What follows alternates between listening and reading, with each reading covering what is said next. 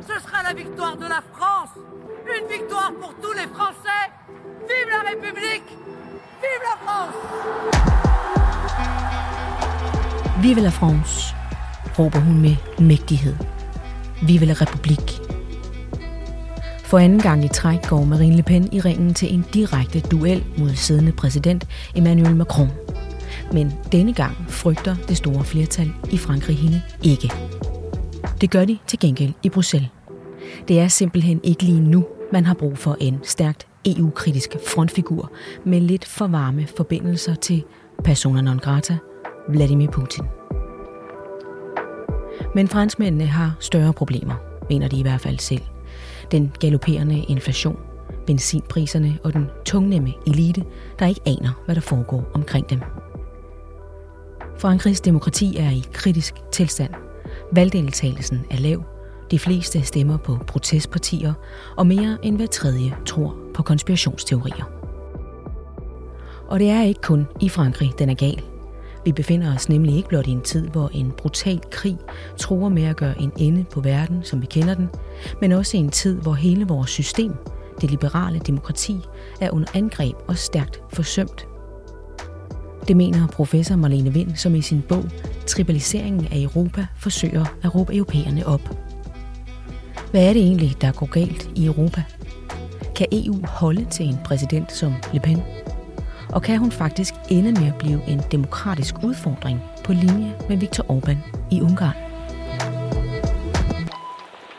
Hvad kan Europa se frem til, hvis Marine Le Pen bliver Frankrigs næste præsident? Jeg tror, det vil få meget store konsekvenser for alt det, vi kender øh, i dag. Altså hele det Europa, vi kender i dag, øh, det vil øh, nærmest falde fra hinanden, tror jeg, fordi de meldinger, hun er kommet med i hvert fald, om hvad hun vil med Europa, øh, de er meget, meget langt væk fra det, øh, det vi kender. Marlene Vind, du er jo professor i statskundskab, og så er du også leder af Center for Europæisk Politik øh, ved Københavns Universitet, og så er du for nylig jo også blevet udpeget som særlig rådgiver for EU's udenrigschef. Tillykke med det, kan jeg vel tak. godt sige. Og øh, velkommen, og tusind tak, fordi du vil komme forbi. Jeg ved, du har ekstremt travlt. Blandt andet jo, fordi franskmændene skal ud i deres anden runde her på søndag, hvor valget jo så står mellem Marine Le Pen og Emmanuel Macron. Øh, det er jo også et Frankrig, som har en øh, temmelig lav valgdeltagelse. Og samtidig så viste første runde, at over halvdelen stemte på protestpartier. Samtidig så tror omkring hver tredje vælger på en eller flere konspirationsteorier. Altså, Marlene Vind, er det franske demokrati i en eller anden form for krise?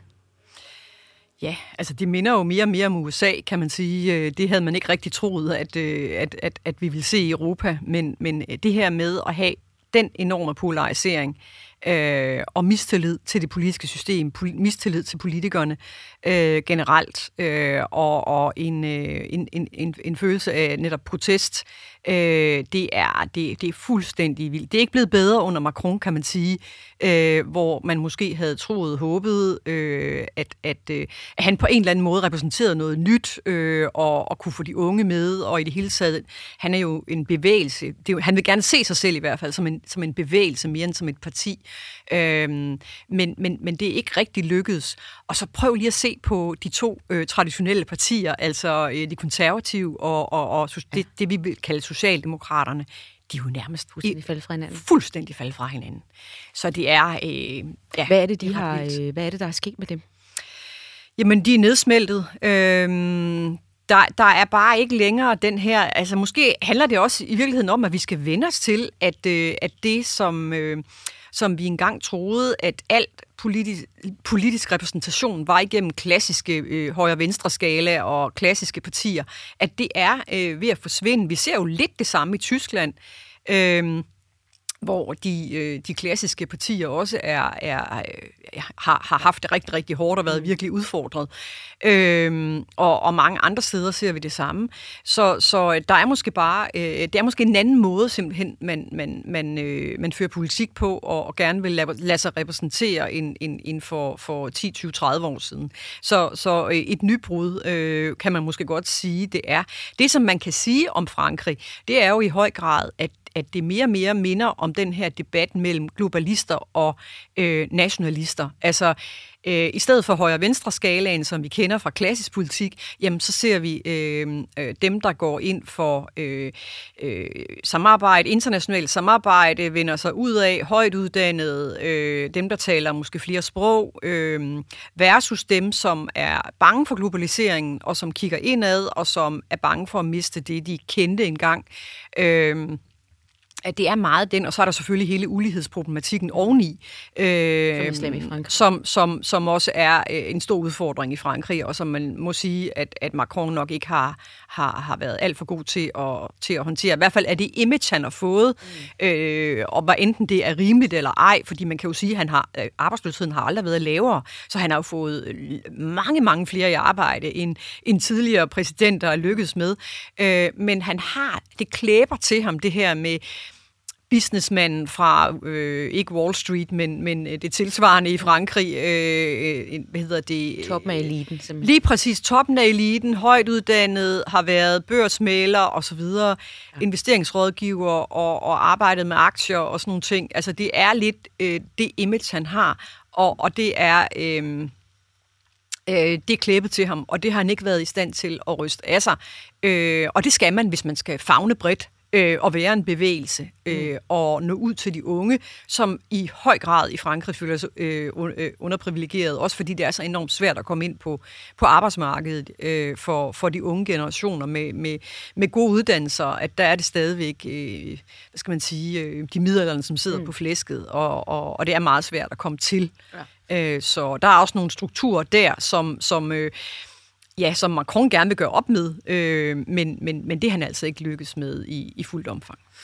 Der er i hvert fald problemer nok mm. i Frankrig, øh, men man kan sige, det du lige var inde på, øh, kampen, eller hvad man skal sige, øh, forholdet mellem globalister og patriot, patrioter, øh, er jo også lidt af det, som din bog tribalisering af Europa er inde på i virkeligheden. Ikke? Mm. Den, den udkom i Danmark i 2020, men allerede i 19, tror jeg det var, der kom den på spansk faktisk. Øh, og det var her, hvor EU's udenrigschef øh, tog fat i den første gang, fordi han læste den mm. og var meget begejstret. Ja. Øh, og det, det er jo øh, lidt sagt. øhm, øhm, kan du ikke lige starte med at forklare for os, hvad betyder det her tribalisering af Europa? Hvad, hvad vil det sige?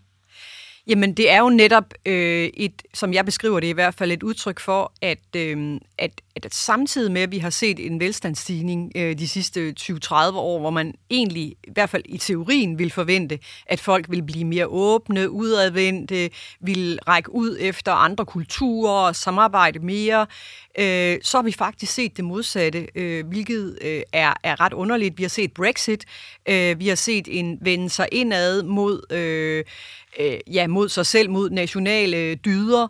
Øh, øh, en, øh, en sådan klyngen sig til, til, til, til, til, til, til stammen, men også en øh, kraftig produktion af fjendebilleder, øh, selv i øh, ret velhavende områder, hvor man tænker, ej, det kan da ikke høre, høre hjemme der. Så, så det er sådan en, en, en, en øh, hvad skal man sige, et billede på, at at, at ville hæve vindebroen op, i stedet for at bygge broer til andre.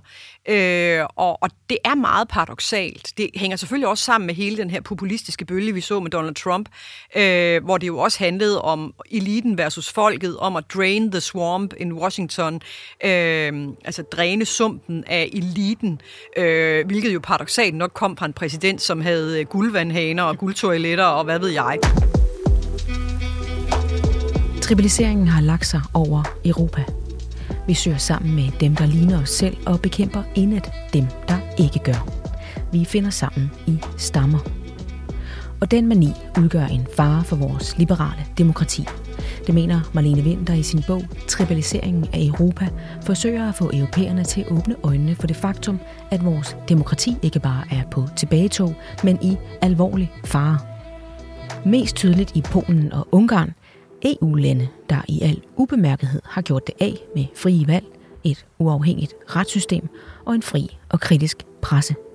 Det er på tide at vågne op, skriver Marlene Vind sådan som jeg beskriver det i bogen og, og ser det i det hele taget, så handler det altså i høj grad også om en form for kynisme, som øh, har indfundet sig i den politiske elite, øh, hvor øh, ja, politikere simpelthen tænker, ah, hvordan får vi, øh, hvordan får vi vælgertilslutning? Jamen, det gør vi øh, ved at opbygge de her helt ekstreme fjendebilleder, øh, og ved at hele tiden øh, konspirere, lave konspirationer. Nu talte vi øh, før udsendelsen om det her med, at der også er enormt mange konspirationsteorier, der lever i bedste velgående i, i Frankrig.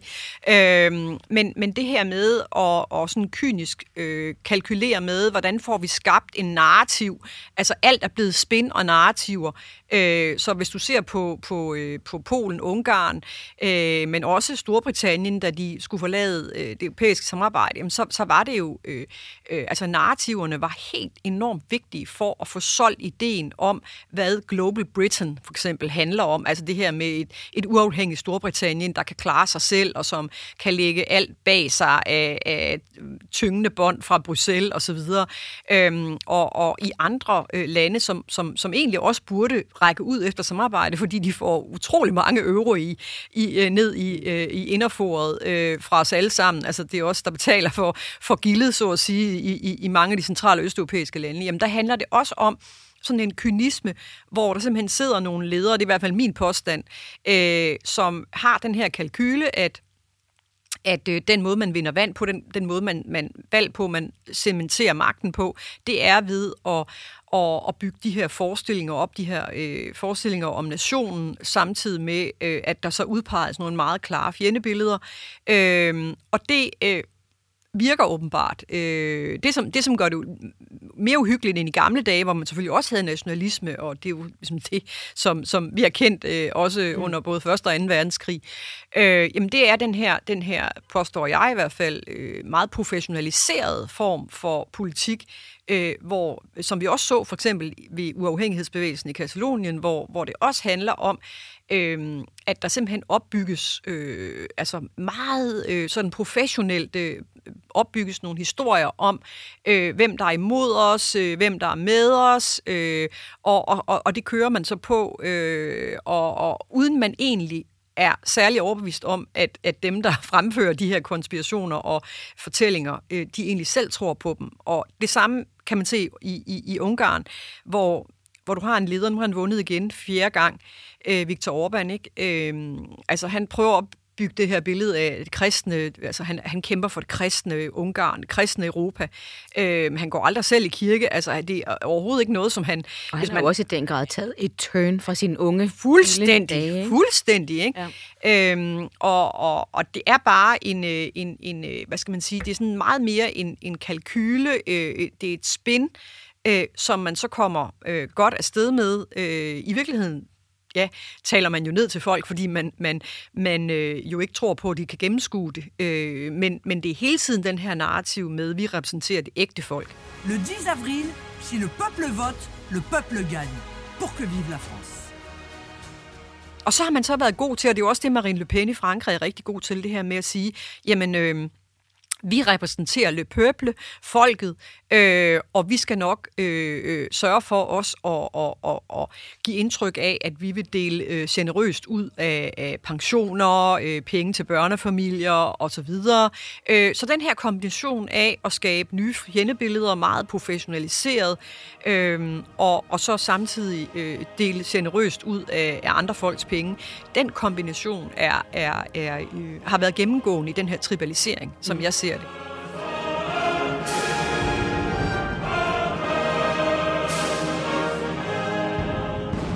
Øh, min pointe i bogen er sådan set at sige, at identitetspolitik i høj grad indgår i de her narrativer og de her spin-konstruktioner, øh, som vi ser øh, at de her autoritære ledere øh, lancerer. Så der er lige så meget øh, identitetspolitik der, hvis ikke mere, end, end der er i alle mulige minoriteters øh, mere eller mindre berettigede øh, hvad skal man sige, øh, forsøg på at, og tiltrække opmærksomhed. Så, så det synes jeg er rigtig, rigtig vigtigt, når man har den her diskussion, når man får fat i den. Men hvad er det, der tiltrækker? Jamen, det er et godt spørgsmål. Også øh, autoritære ja, ledere? Ja, ja, lige præcis. Ikke? Altså, øh, jeg tror, at der er en, øh, en længsel efter det simple, Øhm, og, og, og man kan jo også undre sig over sådan en som Donald Trump. Nu ser det ud til, at han bliver øh, måske genvalgt, eller en, der minder om ham, bliver genvalgt, bliver, øh, kommer efter Biden.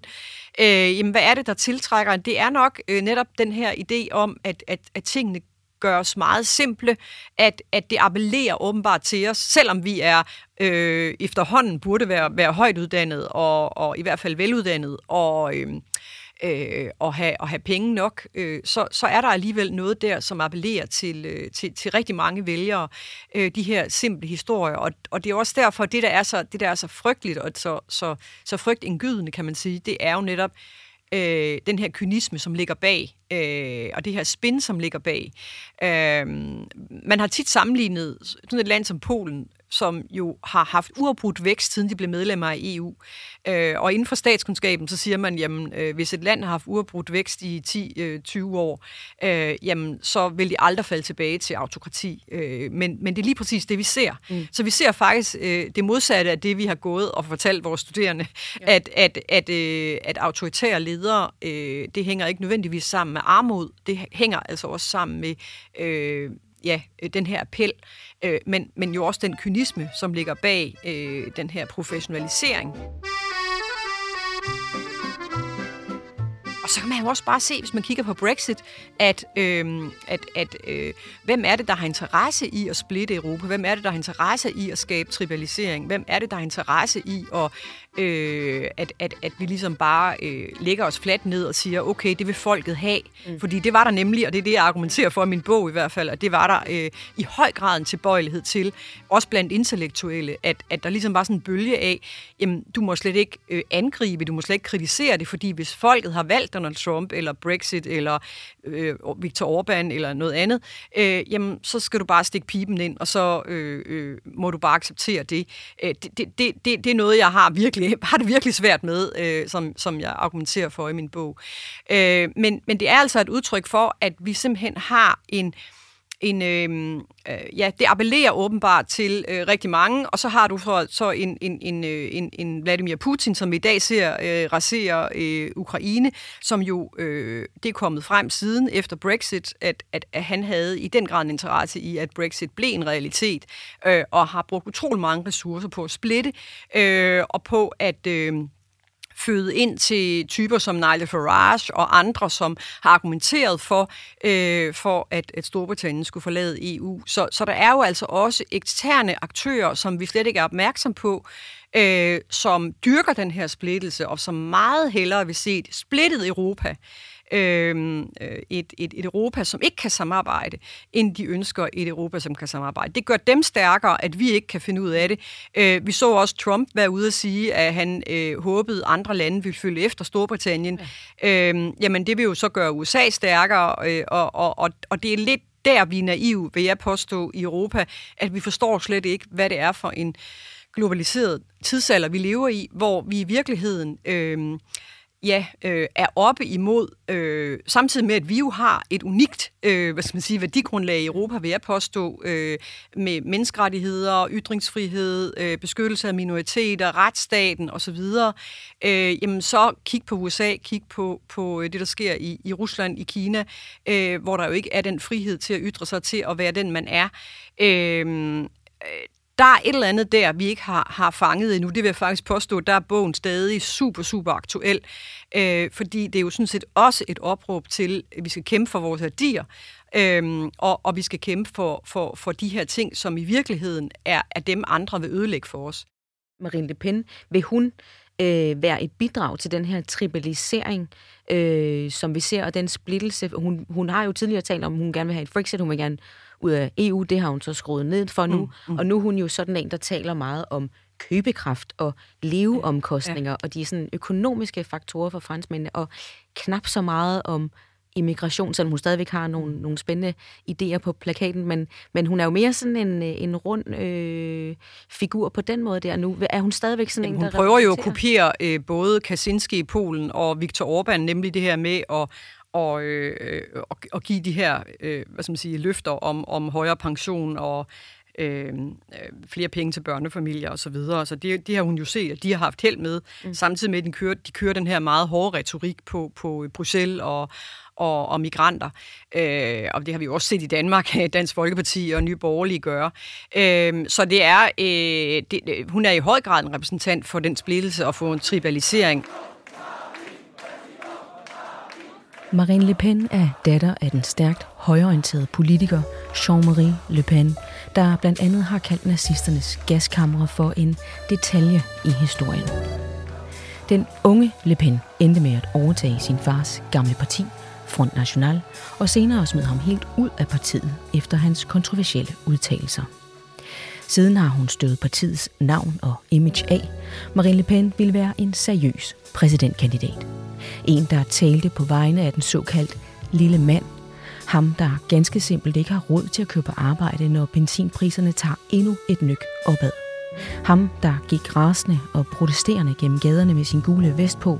Ham, der totalt har mistet tilliden til det etablerede politiske system. Men mange har alligevel svært ved at se de store forskelle på Le Pen den gamle og Le Pen den yngre.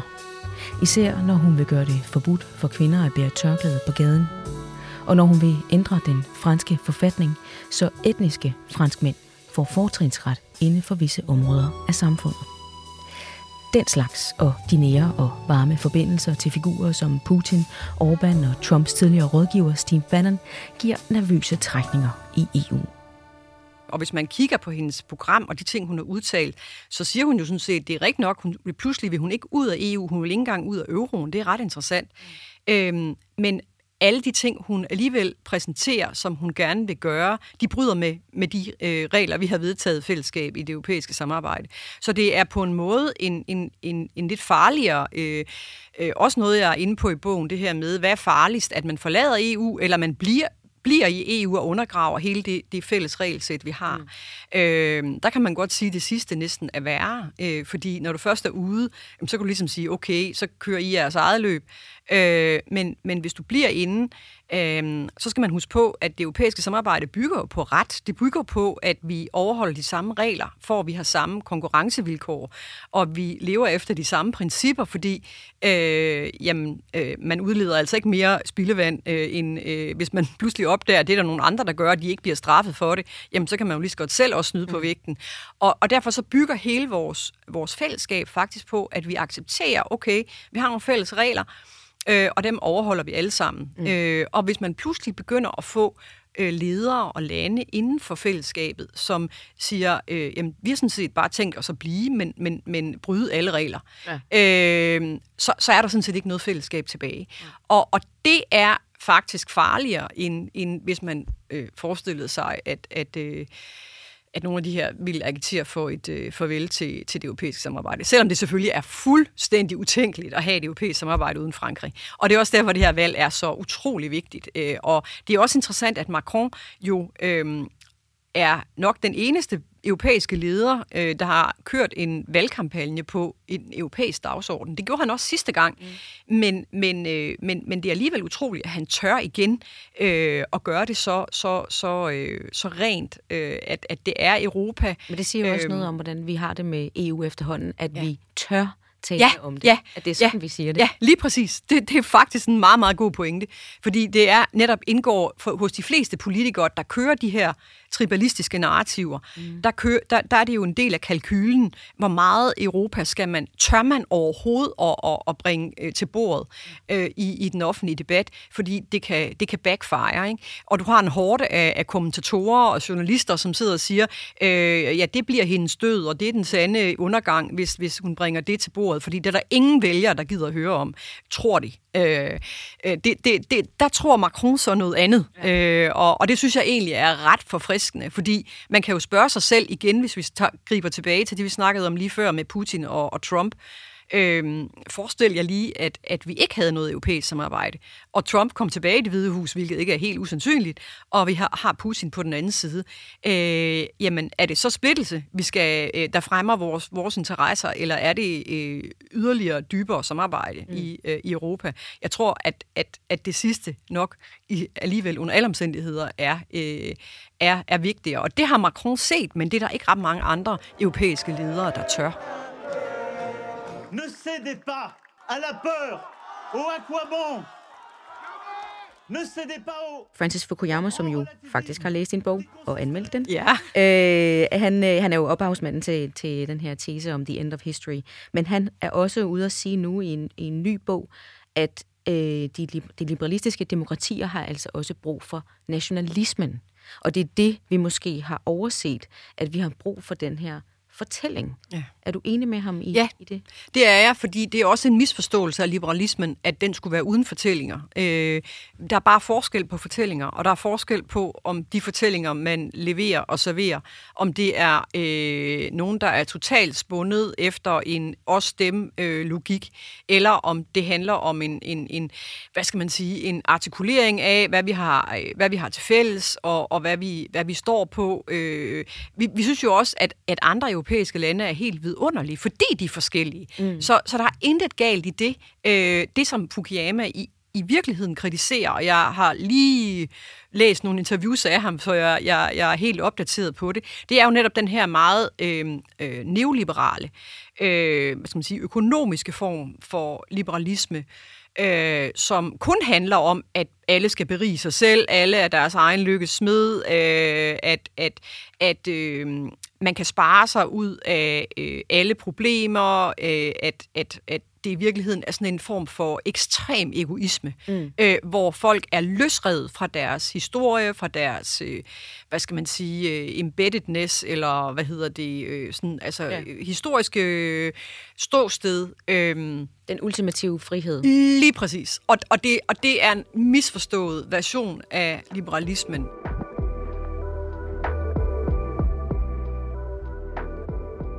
Og han refererer jo så også Fukuyama til øh, Ukraine, hvor vi, kan jo, hvor vi jo kan se, at liberale værdier, som de kæmper for, går hånd i hånd med et forsvar for, for øh, deres nation. Mm. Øhm, og, og derfor er der ingen modsætningsforhold øh, til de to ting. Det er en kunstig det er en kunstigt øh, opstillet øh, modsætning, som dem, der er imod også europæisk integration, tit fører i marken, fordi de siger, jamen øh, det er kun øh, hvad skal man sige, fædrelande, der kan øh, skabe fællesskab. Det kan et Europa ikke.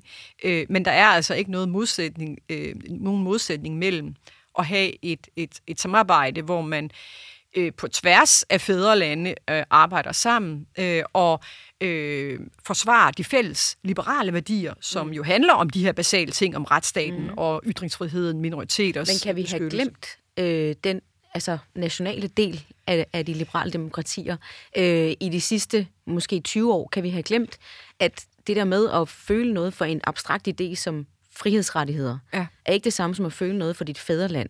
Og kan man have glemt den... Øh, altså i al den her globaliseringsglæde øh, over, at, at, at demokratier spreder sig, og velstanden stiger osv., har man glemt at have den der fortælling med, og kan det være derfor, at, de, at man har set et populistisk opsving i virkeligheden? Ja, det tror jeg måske er rigtigt, men samtidig kan du sige, at det, som man i den grad kæmper for i Ukraine i øjeblikket, det er jo netop koblingen mellem øh, frihederne, øh, eller friheden øh, og, og så nationen.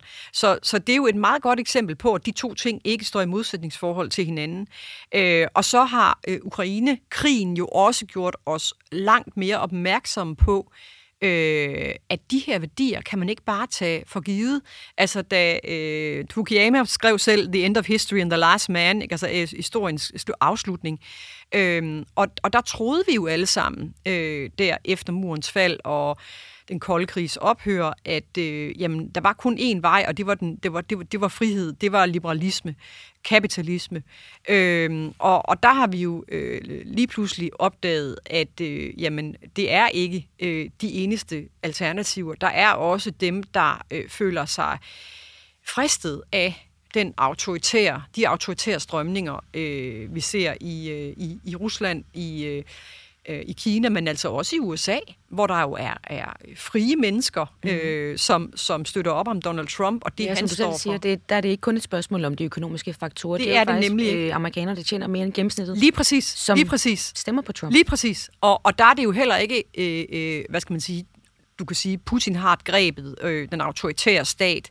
Han tolererer ikke kritik, han tolererer ikke øh, frie ytringer. Men i USA kan man jo ikke påstå, at det, som får folk til at slutte op om en figur som Donald Trump, handler om, at, at man, øh, hvad skal man sige, øh, ja, undertrykker nogen. Mm. Det er jo en polarisering og en splittelse, øh, som, som i høj grad har drevet det. Og så de her narrativer, som... Øh, så i, i demokratier kan man sige, at det er de her narrativer, som i høj grad øh, spinder folk ind i... Øh, beundringen for de her stærke ledere, mens det selvfølgelig i, i, i Rusland, Kina, der handler det meget mere om en angst for øh, den, hvad skal man sige, øh, øh, den stærke magt, mm. altså som, som staten besidder. Øh, men, men der spiller narrativer i høj grad også en stor rolle. Det kan man jo se på de russiske medier i øjeblikket, som jo er spundet øh, i, i høj grad op til en helt anden fortælling om krigen, end den, vi ser i Vesten. Ce sera la victoire de la France. Une victoire pour tous les Français. Vive la République. Vive la France. En figur som Marine Le Pen, nu er du selv inde på i din bog øh, eksemplet øh, Orbán og Ungarn. Hvordan at, øh, og det siger Fukuyama jo også, at øh, den mest øh, største trussel på demokratiet, det liberale demokrati, er ikke, at man lige pludselig ser et militærkup i Frankrig, men at der er en, der kommer ind og langsomt ødelægger og fjerner ja. rettigheder øh, stille og roligt, som Orbán har gjort, øh, og som man også delvis har gjort i Polen. Øh, vurderer du, at Marine Le Pen kan have den evne eller den styrke, skråstreg vilje, til at udføre noget lignende i Frankrig, eller er Frankrig for stærkt et øh, demokrati med for stærke institutioner? Altså Frankrig er et stærkt øh, demokrati, men øh, præsidentposten i Frankrig er, er den stærkeste, øh, en af de stærkeste, i hvert fald i den demokratiske verden. Øh, og, og det betyder, at man kan gøre ret meget øh, øh, hvad skal man sige, øh, uden at, at skulle have øh, den nødvendige opbakning. Ja, uden, så, så derfor øh, øh, kan, kunne jeg sagtens forestille mig, at, at, øh, at, at at det ville kunne langsomt, for det er jo noget, der, der sker over tid, det her, den her inkrementelle, gradvise, skridtvise øh, autokratisering, vi har set i Polen og Ungarn, det er jo ikke noget, der sker fra den ene dag til den anden, og det, som har, har været i gåseøjne genialt, øh, og det, de har gjort, det er noget, jeg forsker i i øjeblikket, det er det, der hedder autokratisk legalisme, at man bruger loven. Man, man transformerer samfundene inden for loven. Øh, du ændrer for eksempel forfatningen, det er sket otte gange i Ungarn. Øh, Hvis du med et flertal i ryggen øh, ændrer forfatningen, jamen, så er det jo svært for EU eller andre, øh, Europarådet eller hvem der ellers står og holder øje med øh, øh, internationale dommerforeninger og sige, øh, jamen det er jo ikke lovligt. Øh, det er jo sådan set lovligt, fordi han havde flertal til at gøre det. Øhm, så ændrer han øh, gradvist forfatningen igen og igen, således at han for eksempel får magt over medierne, mm. så han får øh, ændret valgkredsene, så han kan vinde næste valg. Øhm, og, og dermed så foregår det hele inden for, inden for øh, hvad skal man sige, retsstaten, eller det der så øh, gradvist ikke længere Ja, er en retsstat, men, rammer. men inden for lovens rammer. Øhm, og, og det er det, der ligger i begrebet autokratisk legalisme, som jeg har skrevet en del om øh, de senere år, øh, fordi det er øh, meget interessant. Det handler om noget helt andet end de her klassiske kup, der foregår, når lande bliver overtaget af diktatorer. Øh, I og med, at det foregår inden for loven, så er det meget, meget sværere øh, for, for de institutioner, der normalt hvad skal man sige, monitorerer, overvåger øh, den her demokratiske tilbagegang og sige stop og gøre noget. Øhm, Og Marine Le Pen er jo også Og hun er- at få mange flere folkeafstemninger på bordet. Netop, øh, og, og, og det ser jo, virker jo også meget mere demokratisk at spørge folk direkte. Øh, men man skal også bare være opmærksom på, at når man spørger folk direkte, så er der kun to meget unuancerede synspunkter at have, øh, og, og, og det kan også bruges øh, manipulerende af en stærk præsident. Øh, så, så det er den vej, hun vil gå. Hun har også selv sagt, øh, givet udtryk for, at hun er meget stor beundrer af Viktor Orbán, øh, og at hun mener, at han har forstået øh, magtens logik. Mm. Øh, og, og derfor så tror jeg godt, vi kan se ind i, at hvis hun kommer til at sidde på magten de næste fem år, jamen så vil det være en, øh, en urbanisering af Frankrig, vi står overfor.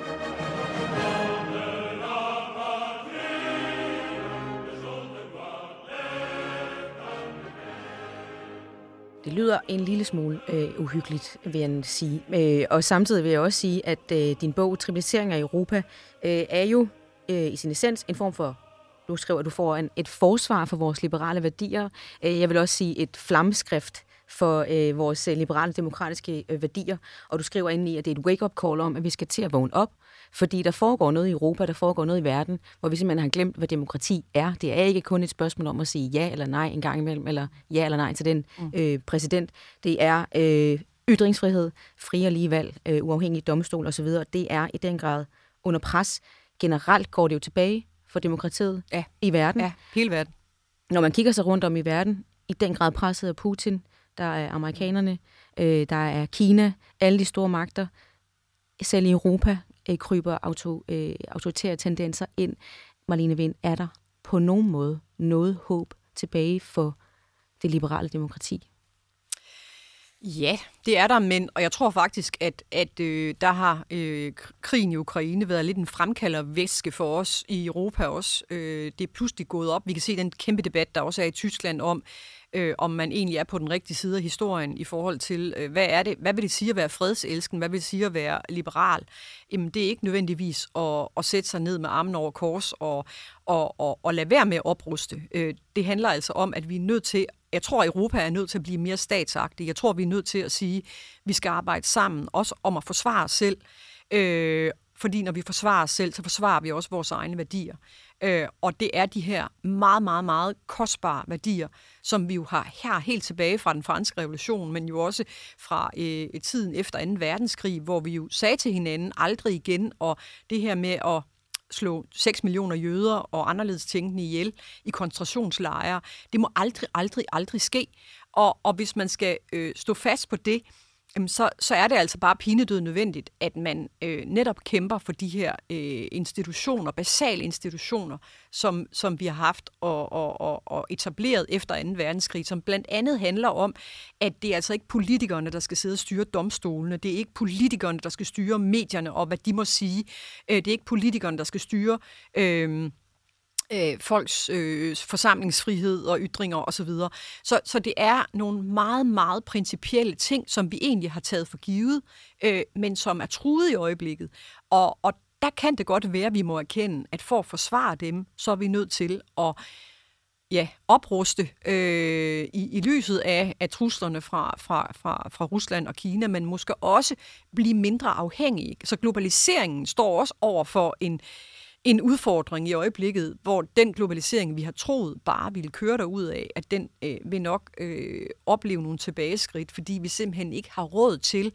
Øh, frihed er vigtigere end materiel vel, velstand. Det tror jeg ret, ret mange af os vil komme til at kende i de kommende år.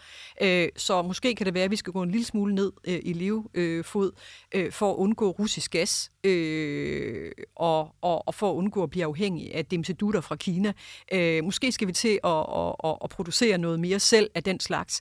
Øh, det var jo også noget, Marine Le Pen øh, går ind for. Mm. Øh, så, så, men, men det vil jo blive dyrere så, fordi arbejdskraften ikke er så billig i Europa.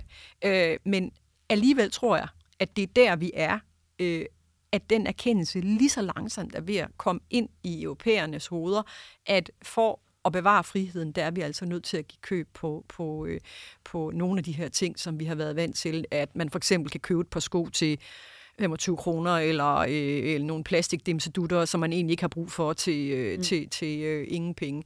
Så, så der har vi været vant til, at, at, at globaliseringen gav os de her billige produkter, øh, uanset om der var øh, børnearbejde involveret, eller øh, migrantarbejdere, som, som måtte gå for luderkoldt vand eller, øh, eller, eller billig øh, russisk gas.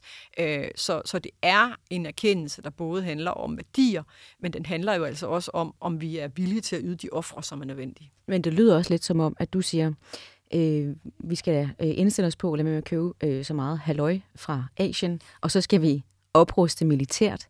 Men jeg hører dig ikke sige noget om, at øh, verden skal nok, det skal nok gå op for kineserne og russerne, at øh, det er fedt med det der demokrati. Det er som om, den har du opgivet, den flanke. Ja, det må jeg sige. Altså, vi kan se en øh, tilbagegang på demokratiet de sidste øh, 16 år. Der er det kun gået én vej, nemlig tilbage. Øh, de her lande, vi taler om, øh, øh Rusland, Kina, de bliver mere og mere, øh, de konsoliderer deres magt, øh, som er mindre Putin ryger, fordi han bliver kuppet, øh, og der måske kommer en leder, som tænker helt anderledes, det tvivler jeg på, men øh, kommer en ny leder, jamen så, så er det jo ikke vores, altså det har vi jo troet i 30 år, at, at vi måske kunne overtale dem til at, at, øh, at blive ligesom os.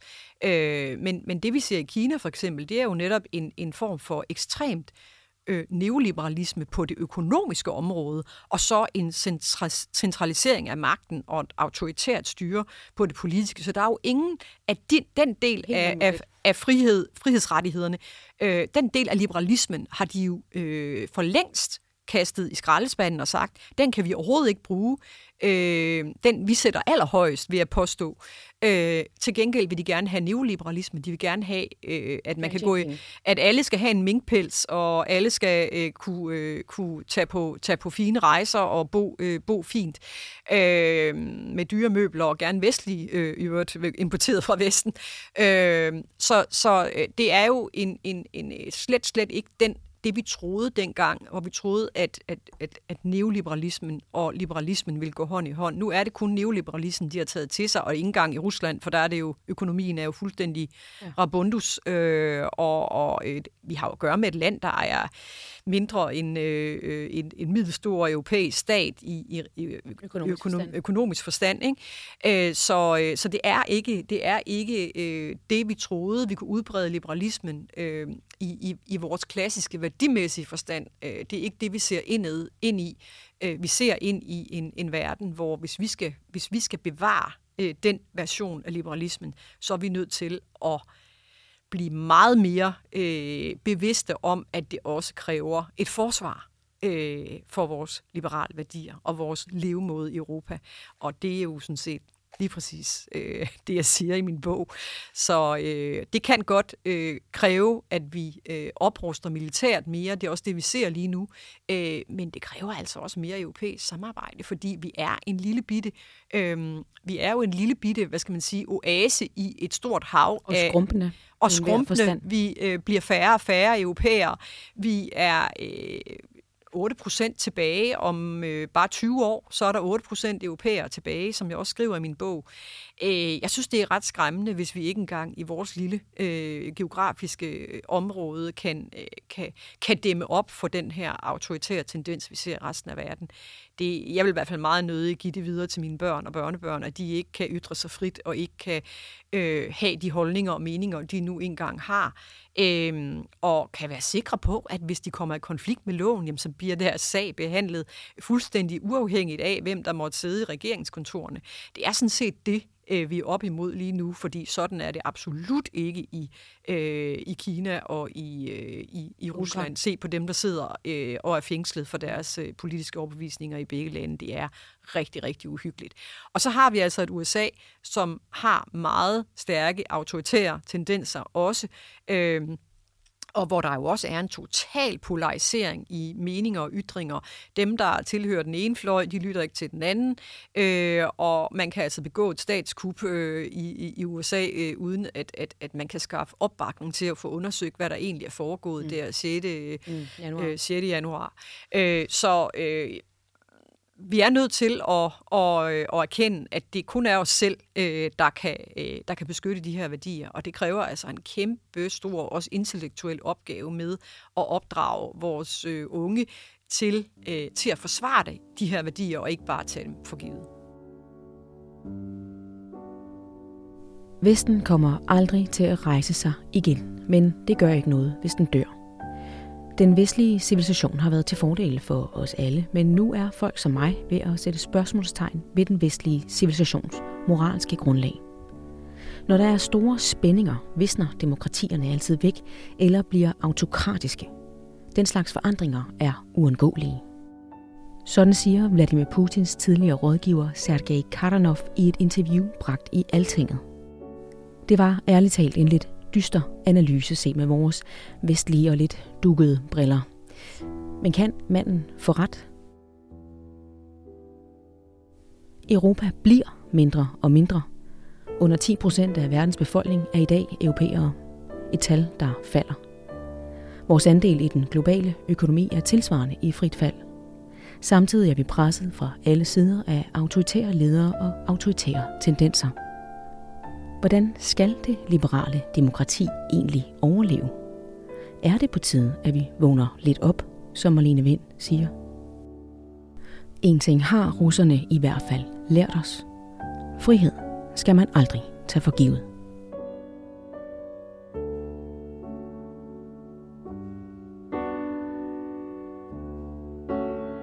Du har lyttet til Bliksen eller Kaos. En podcast fra Gyldendal.